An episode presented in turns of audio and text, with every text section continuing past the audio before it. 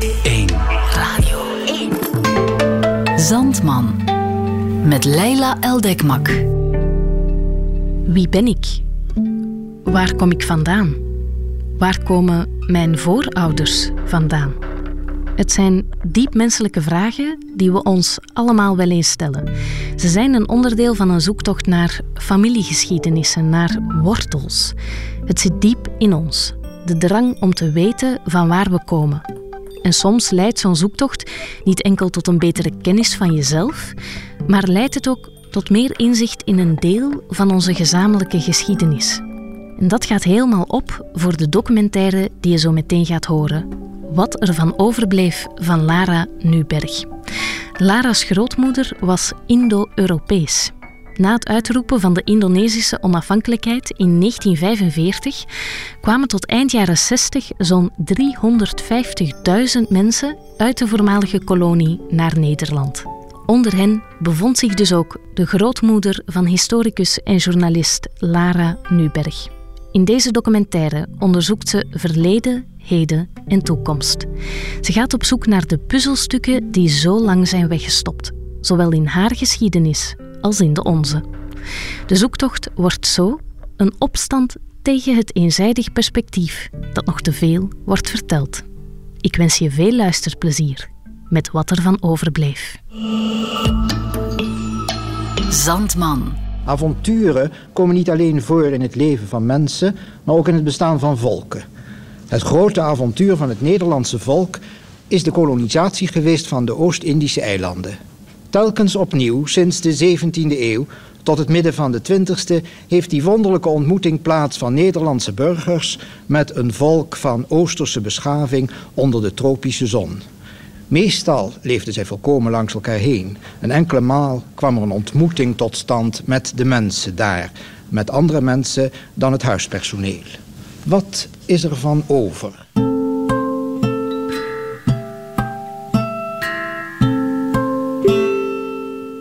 Toen ik twaalf was, toen begon er een eerste bewustzijn te dagen van... oké, mijn, mijn grootouders komen uit een, uit een ander land, komen in ieder geval niet uit Nederland. En, en al die objecten die ze in hun huis hadden, die komen ergens vandaan. En ik had inmiddels begrepen dat dat uh, Indonesië was.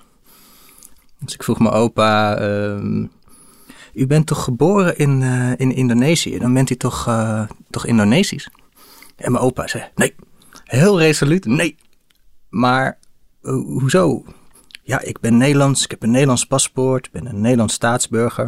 Ik ben geboren in Nederlands-Indië, zoals het toen heette.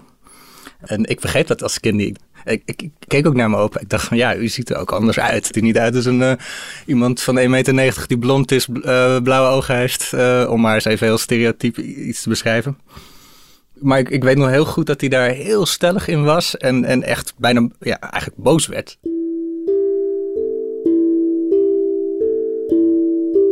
Dit is Robin Blok. Hij is theatermaker, muzikant, dichter en veel van zijn werk gaat over zijn Indische familieachtergrond. Robins grootouders kwamen net als mijn oma na de Indonesische onafhankelijkheid naar Nederland. Want ondanks dat zij kinderen waren van Oost en West, met bruin haar, bruine ogen en een bruine huid, voelde zij zich overtuigd Nederlands. Hij had het over zijn, zijn grootvader. Dat was inderdaad een, een tabakshandelaar die daar gekomen was. En uh, dat ik ook nog vroeg van, ja, en, en uw oma dan? En daar vertelde hij uh, niks over, want dat was een volbloed Javaanse dame. Dat verhaal komt mij bekend voor, want in mijn familie werd ook nooit over de inheemse overgrootmoeder gesproken. In plaats daarvan leerde ik als kind een belangrijk onderscheid. Mijn familie was Indisch dat betekende dat wij Europese voorouders hadden. En ik mocht dat nooit verwarren met Indonesisch. Want ja, die hadden dat niet. En Nederland, dat was ons thuis. Tegelijkertijd heb ik ook een keer een, um, een gedichtje van hem gevonden... dat hij geschreven had aan mijn uh, oma voor Sinterklaas. Uh, en toen waren ze al 15 jaar in Nederland... En dat gedichtje, dat echt, dat, dat druipt van de weemoed en de nostalgie naar het land waar hij geboren was. En, en, en spreekt uit hoe moeilijk ze het hebben hier in, in, eigenlijk in Nederland. En dat het eigenlijk nog steeds niet wendt. En ik weet nog dat ik dat ook niet kon rijmen met, met, met dat andere verhaal. Dat hij zo stellig uh, zei, ik ben Nederlands, ik, uh, ik, ik, ik hoor bij Nederland. Ik hoor bij Nederland. Ik hoor bij Nederland. Ik hoor bij Nederland. Ik hoor bij Nederland. Als ik Robin zo hoor praten, is het net of ik een gesprek van mezelf met mijn eigen oma terughoor. Mijn opa was, was ook letterlijk doof van één oor. Soms reageerde hij ook niet als ik dingen vroeg. En aan de andere kant, als ik zijn goede oor te pakken had, om het zo maar te zeggen, dan vertelde hij over hoe hij was opgegroeid, hoe hij ging jagen, waar hij ging zwemmen. Er kwamen allemaal plaatsnamen langs, uh, Siddharjo, uh, Kediri, Surabaya. En dan vertelde hij over al die, uh, die hindoe-tempels die ze daar hadden. Dus aan de ene kant had ik een heel mythisch, bijna paradijselijk beeld van het land. Aan de andere kant had ik het idee, er zit daar een soort van lege ruimte waar, waar ik niet mag komen en waar ik geen vragen over mag stellen. Vragen stellen. Dat is ingewikkeld. En dan al die termen. Indo, Indisch, Indonesisch, inheems, Merdeka, Persiap, land kwijt. Maar als wij gemengd zijn, zijn we dan niet ook een beetje van daar? Een beetje Indonesisch? Ja, ik stel mij nu mijn oma voor, op een wolkje in de hemel. Ze kijkt naar beneden en ze schudt haar hoofd. Adoe kind, snap je het nou nog steeds niet? Dat verschil tussen Indisch en Indonesisch? Maar ik snap het best. Ik snap heus dat mijn oma een Europese opvoeding heeft gehad en dat ze vanwege haar gemengde achtergrond geen toekomst zag in een onafhankelijk Indonesië. Maar we zijn nu 75 jaar verder. En als ik in Indonesië ben, dan voel ik me thuis. De eerste keer dat ik daar was, was in het jaar na het afronden van de middelbare school. Ik had een tussenjaar genomen en gespaard om samen met een vriendin het land te bezoeken waar mijn oma was geboren. Op de eerste dag daar zat ik op de achterbank van een busje en reed door de heuvels van Sumatra. Door het openstaande raampje tuurde ik naar buiten. Groene bergen rolden als golven aan me voorbij. We passeerden een man met een karbouw. Verderop zag ik rijstvelden. Langs de kant van de weg groeiden felroze bloemen. De chauffeur toeterde en riep iets naar buiten. En opeens voelde ik het, alsof een bliksemschicht mijn hart raakte. Ik ken dit. Dit is het land waar wij vandaan komen. Na een korte pauze aan de kant van de weg liep de chauffeur naar mij toe en hield zijn onderarm tegen de mijne. Hij vergeleek de kleur van mijn huid met die van hem en zei: Sama Sama. Hetzelfde.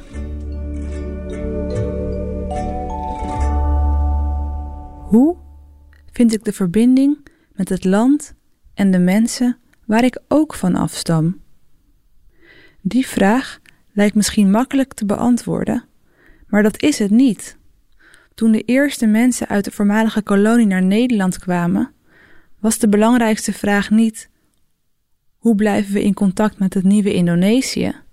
Maar hoe passen we ons aan aan Nederland? En hoe voelen we ons hier thuis? Ik ben Vivian Boon, 48. Ik ben hoofdredacteur van Moeson en uh, heb net dit blad overgenomen en sta nu aan het roer van deze organisatie. Vivian is de kleindochter van Charlie Robinson. En Charlie hield zich eind jaren 50 bezig met de vraag hoe Indische mensen in Nederland zich thuis konden voelen. Een van de dingen die hij deed was een blad oprichten met de titel Onze Brug. Hiermee wilde hij de Indische gemeenschap in Nederland verbinden en hen aansporen om trots te zijn op hun cultuur, een mengcultuur van Oost en West. En onze brug is in 1958 overgegaan uh, in Tongtong. En later, na de dood van mijn grootvader, uh, heeft mijn oma Lilian Ducel uh, het roer overgenomen. En in 78 heeft zij het blad omgedoomd tot Moesson, wat het nu nog steeds is.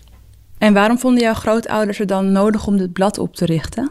Nou, het was pittig toen ze in Nederland kwamen. Mijn oma vond het vreselijk hier, dat weet ik wel. Koud en ellendig en kil. Ik uh, weet wel dat zij natuurlijk wilde schrijven. Uh, maar dat ze hier niet aan de slag kon als journalist. Um, er schijnt ook zelfs wel iemand geweest te zijn die tegen haar heeft gezegd: Ja, maar we schrijven hier Nederlands. dus dat viel niet mee. En mijn grootvader, die herkende dat wat zij hadden, natuurlijk ook bij heel veel andere Indische mensen die hier woonden, dat gevoel van ontheemd zijn. Van ja, het is natuurlijk ook heel raar. Je bent daar geboren, maar je gaat terug naar Nederland. Maar het is eigenlijk geen terug, want je bent, hebt hier niet gewoond, niet opgegroeid en je zit hier. Jouw land is niet meer. Het Nederlands-Indië van vroeger was weg. Dus ja, waar hoor je nou bij? Um, en dat heeft mijn grootvader natuurlijk toe aangezet om uh, die verbinding met elkaar dan te zoeken. En te zeggen, hé, hey, maar we zijn hier wel. En we hebben elkaar. En we zijn allemaal Indisch en daar mogen we trots op zijn. Laten we dat met elkaar delen. Laten we elkaar steunen daarin. En dat heeft hij natuurlijk heel erg gezocht op het culturele. Uh, dus door het blad op te richten, maar ook met allerlei andere culturele initiatieven. En daar heeft hij bepaald niet stil in gezeten. Want hij is toen uiteindelijk ook de Passer begonnen, die nog steeds bestaat, maar als de Tong Tong. De Indische kunstkring, uh, boeken, alles bij elkaar. En heeft hij zoveel initiatieven ontplooid. Ja, om toch die gemeenschap te verbinden.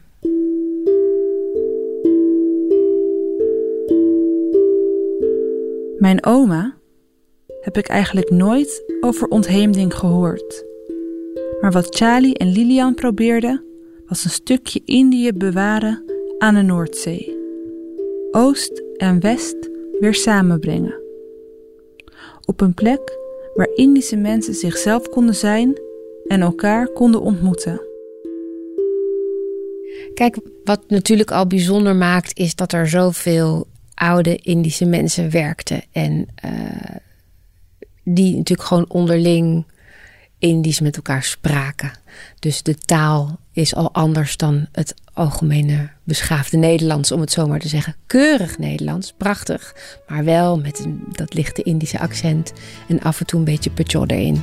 Maar ook door de dingen die er in de toko waren tafels waar batikkleedjes op lagen, uh, zilverware uit Jogja, theelepeltjes, houtsnijwerk, uh, gembersnoepjes, noem maar op.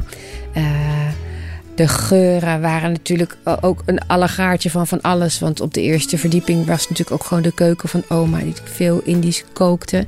We hadden één oude Indische dame, die bracht altijd op haar verjaardag tassen vol pastijtjes die ze zelf had gemaakt mee. Nou ja, dan rook het hele huis naar pastijtjes. En uh, ja, ik denk dat het het meest Indische huis van Den Haag was.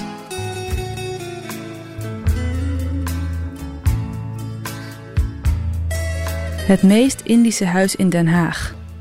Anno 2020 bestaat het niet meer. Moeson zit nu in een modern gebouw op een bedrijventerrein in Almere. Het ruikt er niet naar nasi goreng en pastijtjes. En Vivian praat geen Nederlands met een Indisch accent.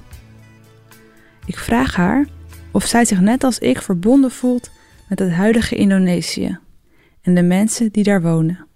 Ja, het is misschien heel gek, maar uh, dat is Indonesië.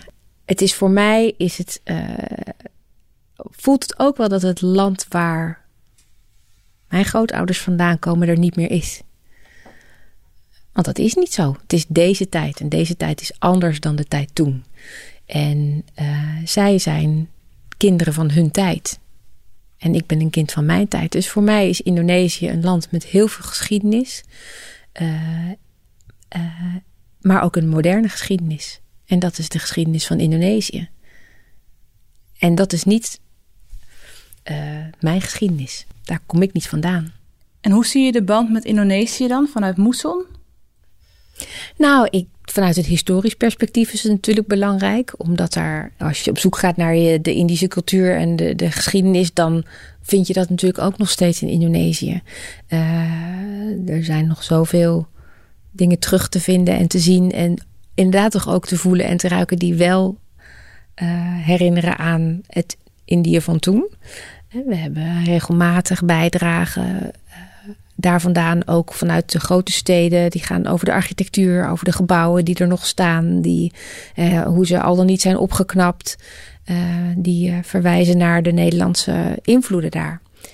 Maar daarnaast vind ik het ook interessant om... Nou ja, bijvoorbeeld binnenkort willen we in één moesson veel aandacht besteden aan onderwijs en over het geschiedenisonderwijs. Ik zou het heel interessant vinden om daar iemand te vinden in Indonesië die wat wil schrijven over hun geschiedenisonderwijs en wat zij leren over de koloniale tijd en over de oorlogen, de onafhankelijkheidsoorlog en al die dingen meer, wat zij meer krijgen. Als ik Vivian zo hoor, dan zegt ze eigenlijk hetzelfde als wat mijn oma altijd zei. Wij komen uit Nederlands-Indië en dat land bestaat niet meer. Het moderne Indonesië is een land met een eigen verhaal. En als wij als Indische Nederlanders er iets terug willen vinden, dan vinden we vooral herkenning in de oude Nederlandse gebouwen. Dat is immers de omgeving waarin onze grootouders zijn opgegroeid. Maar stel je hebt twee ouders en die gaan uit elkaar, in dit geval zelfs middels vechtscheiding. Waarom zou je dan in het herstellen van het contact met de ene ouder vooral op zoek gaan naar de sporen die de ander heeft achtergelaten. En waarom identificeerde mijn oma zich überhaupt zo vanzelfsprekend met haar Nederlandse voorouders? Om een antwoord te vinden op die vragen bel ik Pamela Patinama, emeritus professor koloniale en postkoloniale literatuur en cultuurgeschiedenis. Ook zij heeft een familieverleden in voormalig Nederlands-Indië.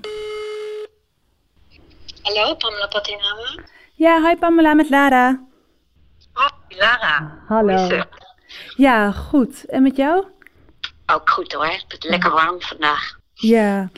Nou, ik vroeg me af hoe het kan dat zoveel Indische Nederlanders zich identificeren met het uh, Nederlandse perspectief op de geschiedenis. Ja, ja uh, dat is een interessante vraag. En eigenlijk moeten we dan om dat te kunnen begrijpen, een beetje duik in de geschiedenis nemen. Want het heeft te maken met het uh, laat-koloniale beleid in Indië, met ons land van herkomst dus. En ook met de plaats die Indo's in die laat-koloniale samenleving innamen. En vooral met de nauwe relaties tussen Indo's en Totoks. Dus zal ik maar even uh, in de geschiedenis duiken? Ja, heel graag. Nou ja, kijk, uh, vanaf de, eigenlijk vanaf de 16e eeuw, toen, toen Europese mannen met de VOC naar Indië gingen, hebben zij, om het maar zo te zeggen, het gezelschap van lokaal, lokale vrouwen gezocht. Ja. En, en op die manier is er een, uh, een nieuwe uh, bevolkingsgroep ontstaan. Vroeger heette die mestice, maar wij kennen natuurlijk onder de naam Indo's of, of Indo-Europeanen, want Indo's is afgeleid van Indo-Europeanen.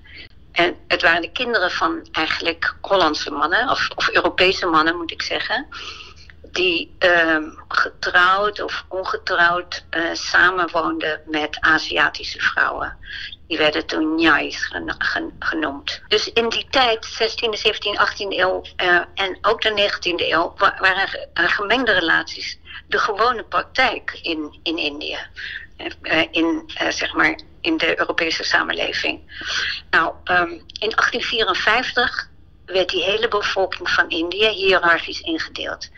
De hele um, grote lokale bevolking, dus uh, uh, bewoners van al die verschillende eilanden werden in één groep uh, ingedeeld. De zogenaamde inlanders, dat is een term die wij tegenwoordig niet meer gebruiken. Maar dat was een juridische term. Hmm. En Europeanen um, werd, was één groep, was een kleine groep. En vreemde Oosterlingen, dat waren, was de rest. Arabieren, Chinezen. dus er waren eigenlijk maar drie groepen. En aan de top ik zei al, het was hiërarchisch, stonden de Europeanen. En elk elke Indo, elk Indisch kind die door haar of zijn vader was erkend, werd een Europeaan. Dat wil zeggen, die kreeg dezelfde rechten als uh, de Europeanen. Dus uh, Europese mannen, omdat de vaders uh, die kinderen moesten erkennen, die hadden het eigenlijk voor het zeggen wie van de Indo's rechten en respect kreeg. Nou ja, als, als die vader zijn bloedeigen kinderen niet wilde erkennen, dan uh, werden ze tot de groep van inlanders uh, gerekend. Die dus veel minder rechten, macht, status hadden.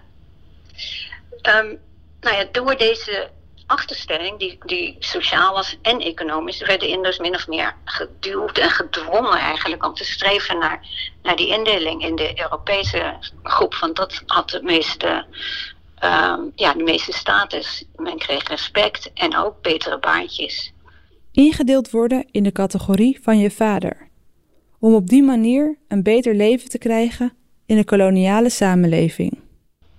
Maar wat nog ingrijpender was, was in die tijd, waren denkbeelden. En die denkbeelden die kwamen uit uh, Europa overwaaien. Rond 1900 kwamen ze in uh, Indië binnen.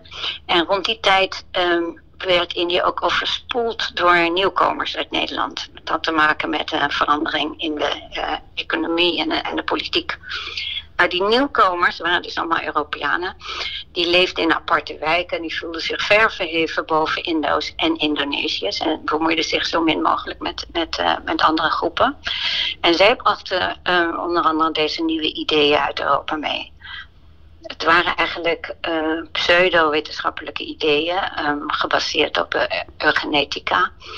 En die uh, ideeën hielden een nieuwe kijk in op ras en op gemengde relaties. En die ideeën hadden ook een verstrekkende gevolgen voor, voor Indo's. Ja, want volgens die theorie was het witte ras superieur en waren alle andere huidskleuren minderwaardig rassenvermenging, wat dus de gewone praktijk was in Indië. Um, die werd vanaf toen beschouwd als een soort bezoedeling, weet je, vervuiling van het zogenaamde zuivere blanke ras. Uh, Indonesiërs werden nog beschouwd als zogenaamd raszuiver, maar op Inders werd enorm neergekeken. Die werden dus, dus in die, in die zeg maar laat koloniale tijd, vanaf uh, ja, uh, laatste helft 19e, begin 20e eeuw, is beschouwd als hele inferieure slappe halfbloeden. En zelfs de overheid die, die had het over Indo-paupers. En me, mensen, Indo's, uh, zouden lui, dom, geniepig, achterbak zijn. En vrouwen, die waren dat allemaal ook. En ook nog eens belust op seks en alleen op eigen voordeel uit en op verleiding van van witte mannen. Nou, ik zeg dat niet zomaar, want er bestaan ontzettend veel, echt honderden literaire verhalen waarin uh, dit beeld van Indo's uh, afgebeeld is. Uh, het zijn verhalen geschreven door Europese auteurs. Ja, maar dus, maar dus eigenlijk vanuit Europa kwam het idee over waar je dat gemengdheid of halfbloeden, hoe dat toen werd genoemd, yeah. dat dat iets uh, slechts was. Dus echt yeah. een besmetting op raszuiverheid. Mm -hmm. um, maar dat lijkt me geen positief denkbeeld voor die gemengde bevolkingsgroep. Nee, maar kijk, uh, dat is een psychologische um, uh, traject. Als je steeds hoort dat je minder bent vanwege je huidskleur of afkomst. Als je dat voortdurend hoort um, uh, van bovenaf, uh, van mensen om je heen. je leest erover. in de politiek is dat bon ton. Um, dan ben je geneigd om dat zelf te gaan geloven. Bewust of onbewust. En zo werden die denkbeelden eigenlijk geïnternaliseerd en die kweekten een soort uh, zelfhaat. Hè? De, haat van het bruine velletje werd het wel genoemd. En, uit die tijd stammen ook de verhalen dat Indo's hun afkomst van Indonesische vrouwen, van lokale vrouwen, van Nyais dus, gingen verbergen en ook verlogenen. En ze zeiden dat ze van een Spaanse of Italiaanse prinses afstamden en, en dat daarom hun huid zo donker was. En al die Indonesische uh, vrouwen die, gewoon familieleden waren, die werden min of meer uh, weggemoffeld. En mensen probeerden zichzelf zo als zo Europees mogelijk uh, voor te stellen. Dat kan je nu bijna niet meer voorstellen. Maar uh, ja, in die, in die tijd, in die context waarin uh, het blankras als heel erg superieur en de rest als echt heel erg inferieur en ongunstig werd voorgesteld, was dat een internalisatieproces. Dat mensen die kijk op zichzelf en op anderen heel erg uh, zich eigen maakten. Alsof het hun eigen denkbeelden waren. En, en het zijn die denkbeelden die ook meegemigreerd zijn naar Nederland toen de decolonisatie begon. En uh, nou, dat is een van de redenen, of een, een belangrijke reden, waarom Indische families en Indische Nederlanders zich nog steeds met het Nederlandse perspectief op de geschiedenis vereenzelvigen. Ja. ja, ik vind het echt wel een heftige geschiedenis als ik er zo over Ja. nadenk. Mhm. Ja, het is een heftige geschiedenis. Het is, het is nu ook heel moeilijk voor te stellen.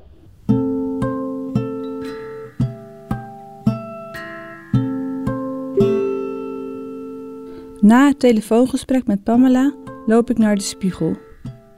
Daar zie ik in het spiegelbeeld een koloniaal product. De kleur van de huid van verzwegen vrouwen. Nu in het land van de mannen wier kleur en cultuur als beter werden gezien.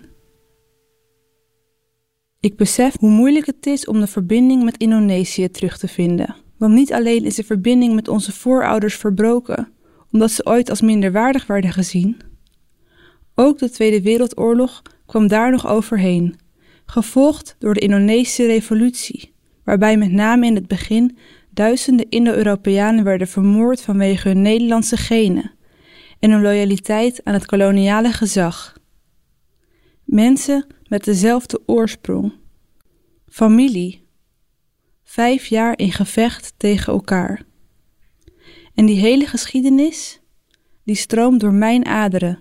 Mijn bloed, mijn bloed, mijn bloed, mijn bloed, mijn bloed, mijn bloed, mijn bloed, mijn bloed. Het draagt de stank van tabak, mijn bloed. Mijn aderen vertakken zich langs oude plantages. Mijn spieren mengen kalmte met geweld. Mijn bloed, overgrootvaders stem davert door mijn keel. Ik heb zoveel te bewijzen. Tuan, meneer, meneer.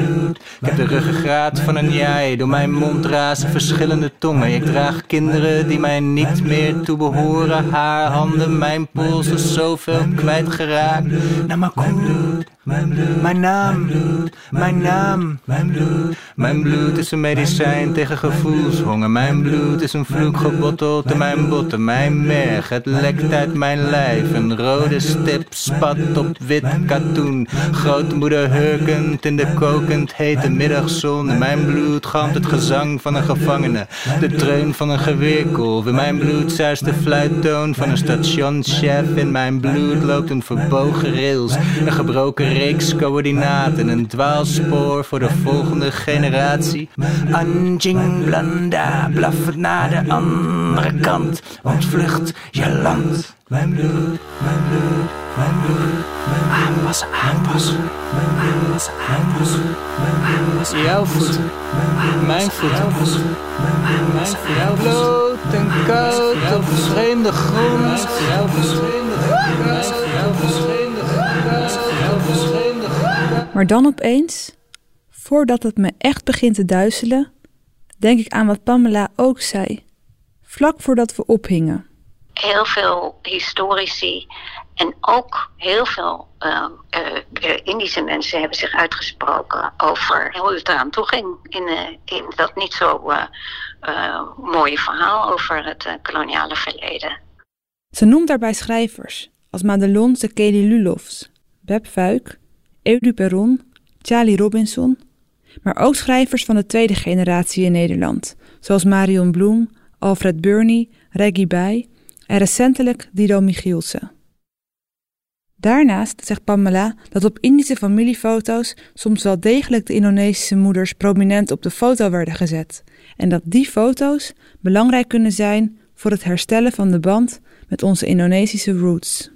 Het is natuurlijk niet statisch. Hè? De, de kijk op het verleden en de omgang met het verleden die verandert steeds.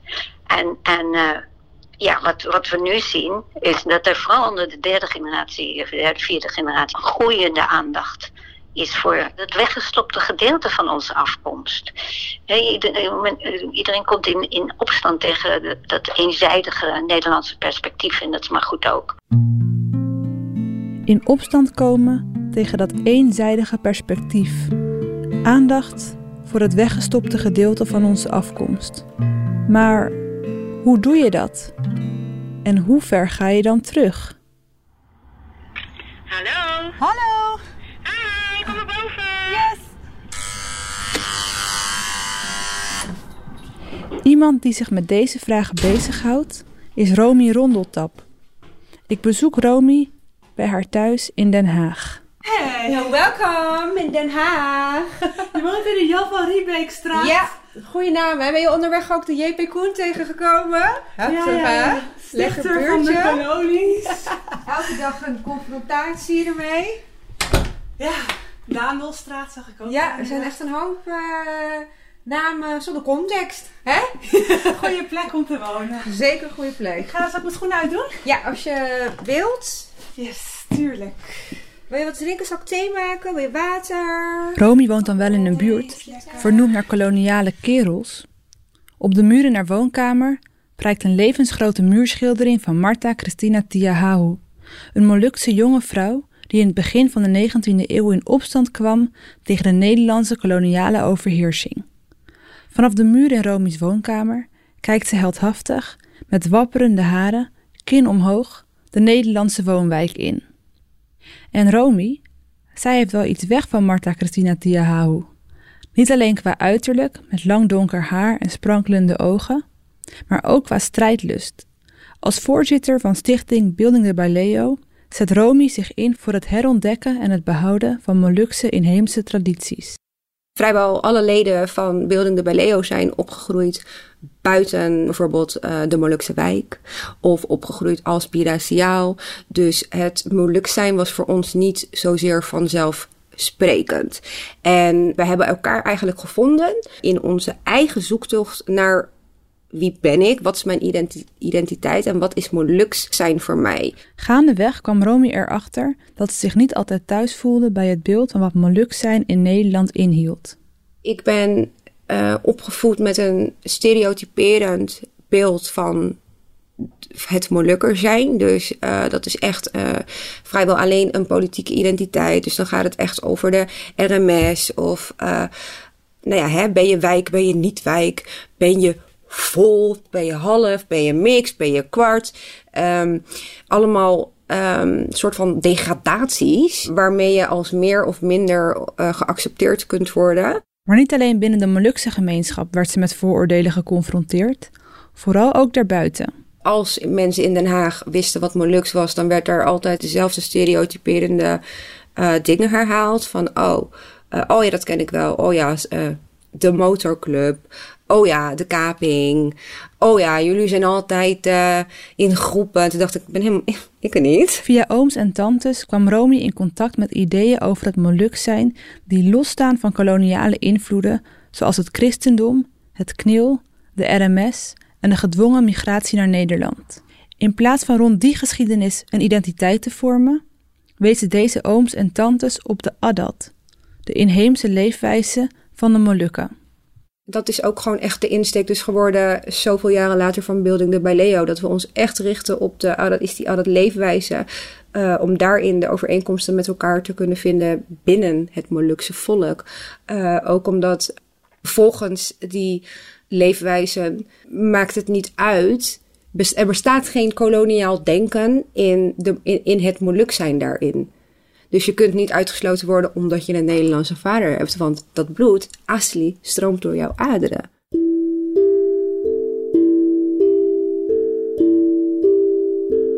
Building de Baileo draagt de Adat op verschillende manieren uit. Bijvoorbeeld door middagen te organiseren over Moluks erfgoed. Maar bijvoorbeeld ook door in opstand te komen tegen de verering van Jan-Pieter Sankoen, die op de Banda-eilanden onder de inheemse bevolking dood en verderf zaaide. Daarnaast doorbreken ze het taboe op traditioneel tatoeëren en draagt Romy met trots Molukse tatoeages op haar voorhoofd, kin en hals. Het lijkt op pijltjes, maar het is de manukau. Dat is een fragatvogel. Die is echt kenmerkend uh, voor de Molukken. Dus het is ook echt een symbool wat, uh, nou ja, wat je op de Molukken zelf overal terugziet. In het straatbeeld. Um, in lantaarns, stoplichten, stoeptegels. Het zit overal, overal komen die uh, alifuru motieven komen daarin voor. En uh, nou ja, dat staat dus, uh, dat staat eigenlijk symbool voor de reis die wij maken als kinderen van het Molukse volk. En dat kun je natuurlijk feitelijk bekijken. Hè, de overtocht, het feit dat we naar Nederland zijn gekomen, maar ook uh, de reis die wij zelf maken als mens, uh, hoe wij ons ontwikkelen en waar we heen gaan. Tegelijkertijd staan ze dus ook voor de voorouders, de reis die zij gemaakt hebben. De motieven daaronder, die staan symbool voor mijn kinderen en twee zijn er voor mijn ouders. En wat betekenen die gezichtstatoeages voor jou? De gezichtstatoeages voor mij betekenen eigenlijk dat ik een kant heb gekozen voor mezelf. Want ik stel mezelf hiermee buiten de westerse schoonheidsidealen. En um, ik zie het dus als een manier om te laten zien dat um, wij nu in het nu kunnen terugnemen wat van ons is afgenomen door kolonisatie. Uh, nou, het tatoeëren is er één van, want dat was niet iets wat witte Europeanen normaal vonden. Um, en weet je, dat is een van de vele manieren waarop ze eigenlijk de Molukken hebben leeggetrokken van culturele waarden uh, of identiteit eigenlijk. Tatoeages als symbool voor alles wat gestolen is of er niet mocht zijn. Ik vind het krachtig van Romy dat zij op deze manier de tradities van haar inheemse voorouders in ere herstelt. En tegelijkertijd denk ik aan mijn eigen oma. Zij zou zich omdraaien in haar graf als ik mijn gezicht liet tatoeëren. Dat besef brengt me tot een nieuwe vraag. Kun je de band met je inheemse voorouders herstellen zonder je eigen grootouders, die zo gesteld waren op de Nederlandse normen en waarden, teleur te stellen? Vanwege kolonisatie zijn onze grootouders de eerste generatie met hun koffer hier naartoe gekomen. En ik denk dat het aan ons de taak is die koffer te ontleden. Dus ik haal eruit wat echt van mij is. En ik koester wel dat wat erin zit, maar wat niet meer bij mij past. Wat is er dan wat wel bij jou past en wat niet? Bijvoorbeeld daarin is, mijn oma was een echte Molukse vrouw uh, met genoeg pigment, maar ze deed er alles aan om zichzelf wit te maken. En mijn moeder, idem dito. En uh, dat doe ik niet. Dat laat ik los.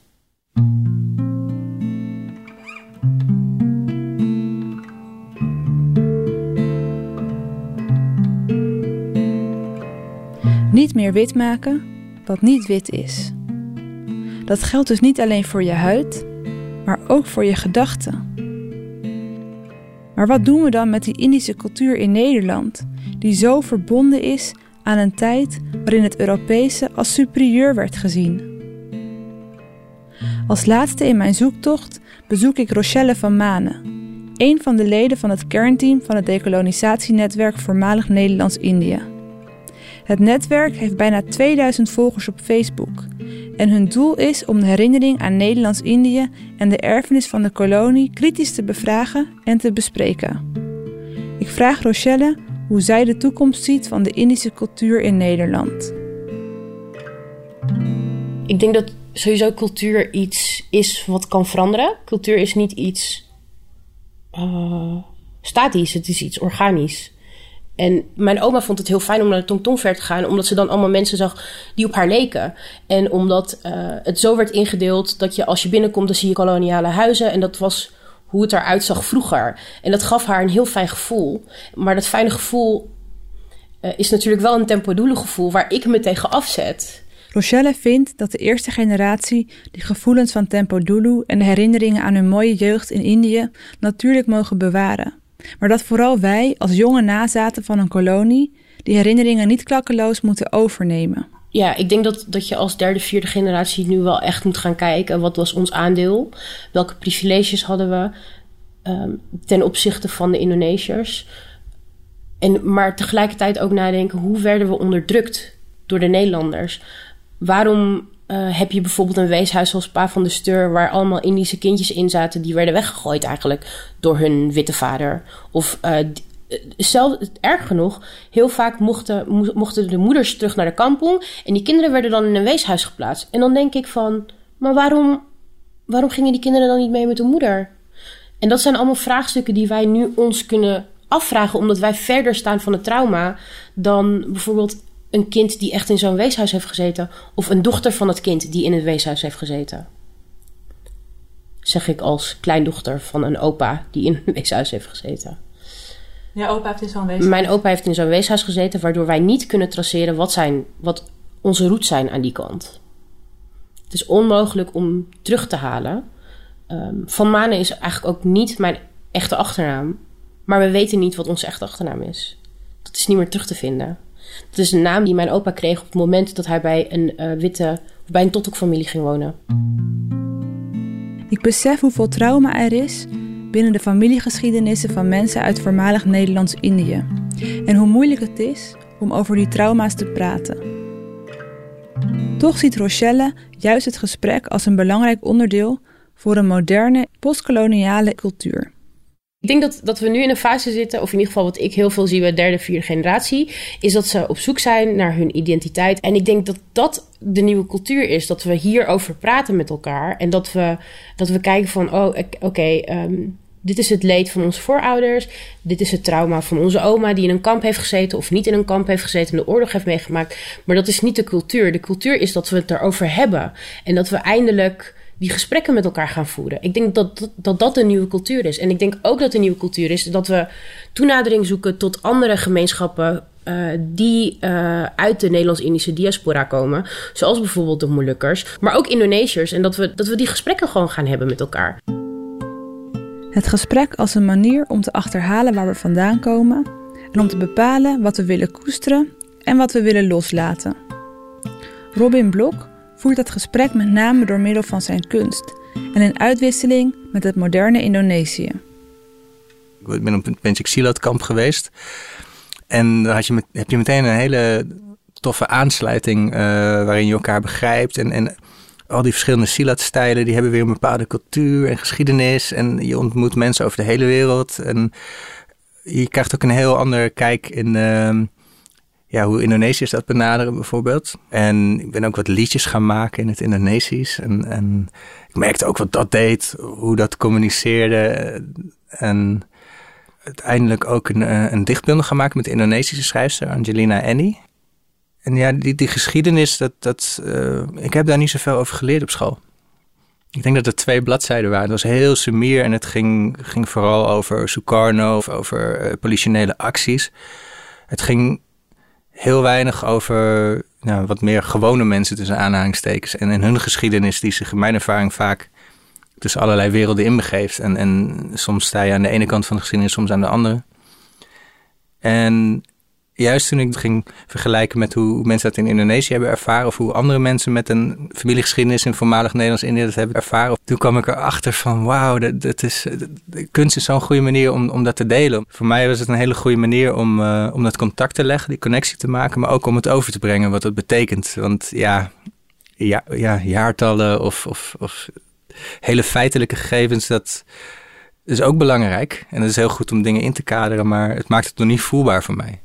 En heb je dan ook door die culturele uitwisseling met Indonesië de verbinding met het land en de mensen teruggevonden? Ja, dat voel ik heel erg. Misschien is het ergens alsof je twee huizen hebt.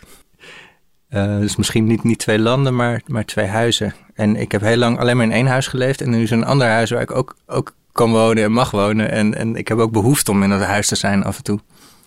En misschien heb ik in het begin gedacht, heb ik iets te zoeken in het huis? Nou, op een gegeven moment kwam ik erachter, ik heb hier zeker iets te, zoeken. Er zijn allemaal dingen in het huis die, die ik herken en die bij me horen. Er zijn ook dingen die ik me nog eigen moet maken of die misschien minder goed bij me passen. Dus het is misschien ook hoe je, hoe je het voor jezelf in, inricht bijna als je binnen de metafoor blijft. Hoe richt ik het contact met Indonesië in? Mengapa saya ada? Mengapa saya ada? Why do I exist? Mengapa saya ada? Hm, toepasselijk. Ik denk door de taal te leren, door de geschiedenis met open vizier en van alle kanten te belichten, en door uitwisseling van gedachten met mensen in Nederland en in Indonesië. Ik hoop dat ik op die manier een stukje thuis mag vinden aan de andere kant van de wereld. En hoewel dat misschien contrasteert met het verhaal dat mijn oma altijd vertelde, voelt het ook goed.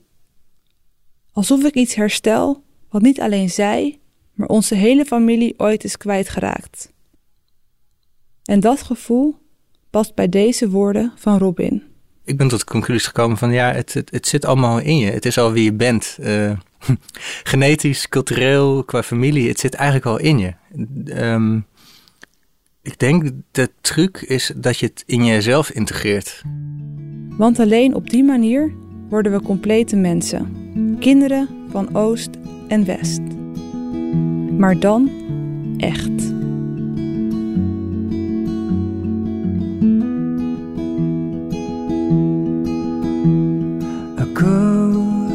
Aku kan pulang ke pelukanmu, ke pelukanmu.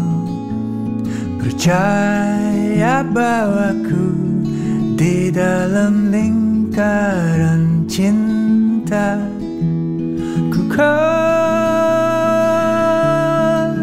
menangkapmu saat kau jatuh Ku kan dari sana saat kamu memanggilku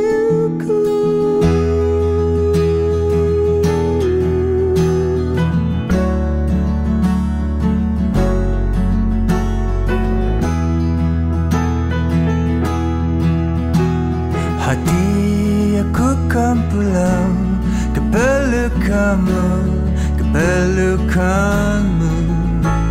Cahaya matamu menerangi hampa dunia